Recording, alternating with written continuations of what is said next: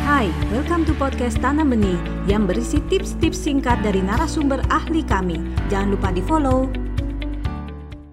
Ada tes laboratoriumnya nggak Bu? Seperti penyakit-penyakit medis, penyakit fisik begitu ya. Dicek darahnya atau dipindai otaknya gitu dengan CT scan atau MRI. Kemudian kita akan bisa katakan, oh this is ADHD gitu ya. Uh, tidak ada. Tidak ada tes labnya untuk mendiagnosa ADHD.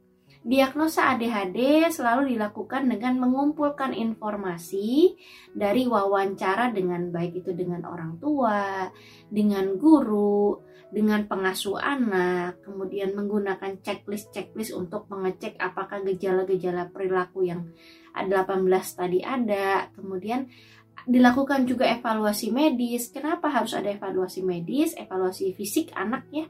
Untuk memastikan bahwa penyebab perilaku inatentif atau tidak fokusnya atau penyebab perilaku impulsifnya itu bukan karena ada masalah fisik. Seperti misalnya, saya pernah mendapati pasien yang orang tuanya bilang sulit fokus ya. Anaknya kelihatannya seperti memang anak yang kurang fokus, terutama saat di kelas besar gitu.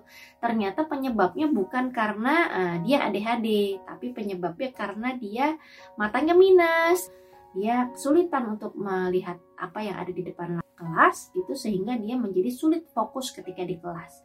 Dia menjadi bosan akhirnya dia sulit duduk diam, sulit memperhatikan pelajaran dan lain sebagainya. Jadi penyebab atau evaluasi medis ini tetap harus dilakukan untuk menyingkirkan atau memastikan bahwa penyebab dari perilaku inatentif dan impulsif anak bukan karena dia punya masalah medis. Anda baru saja mendengarkan tips dari Tanam Benih Foundation.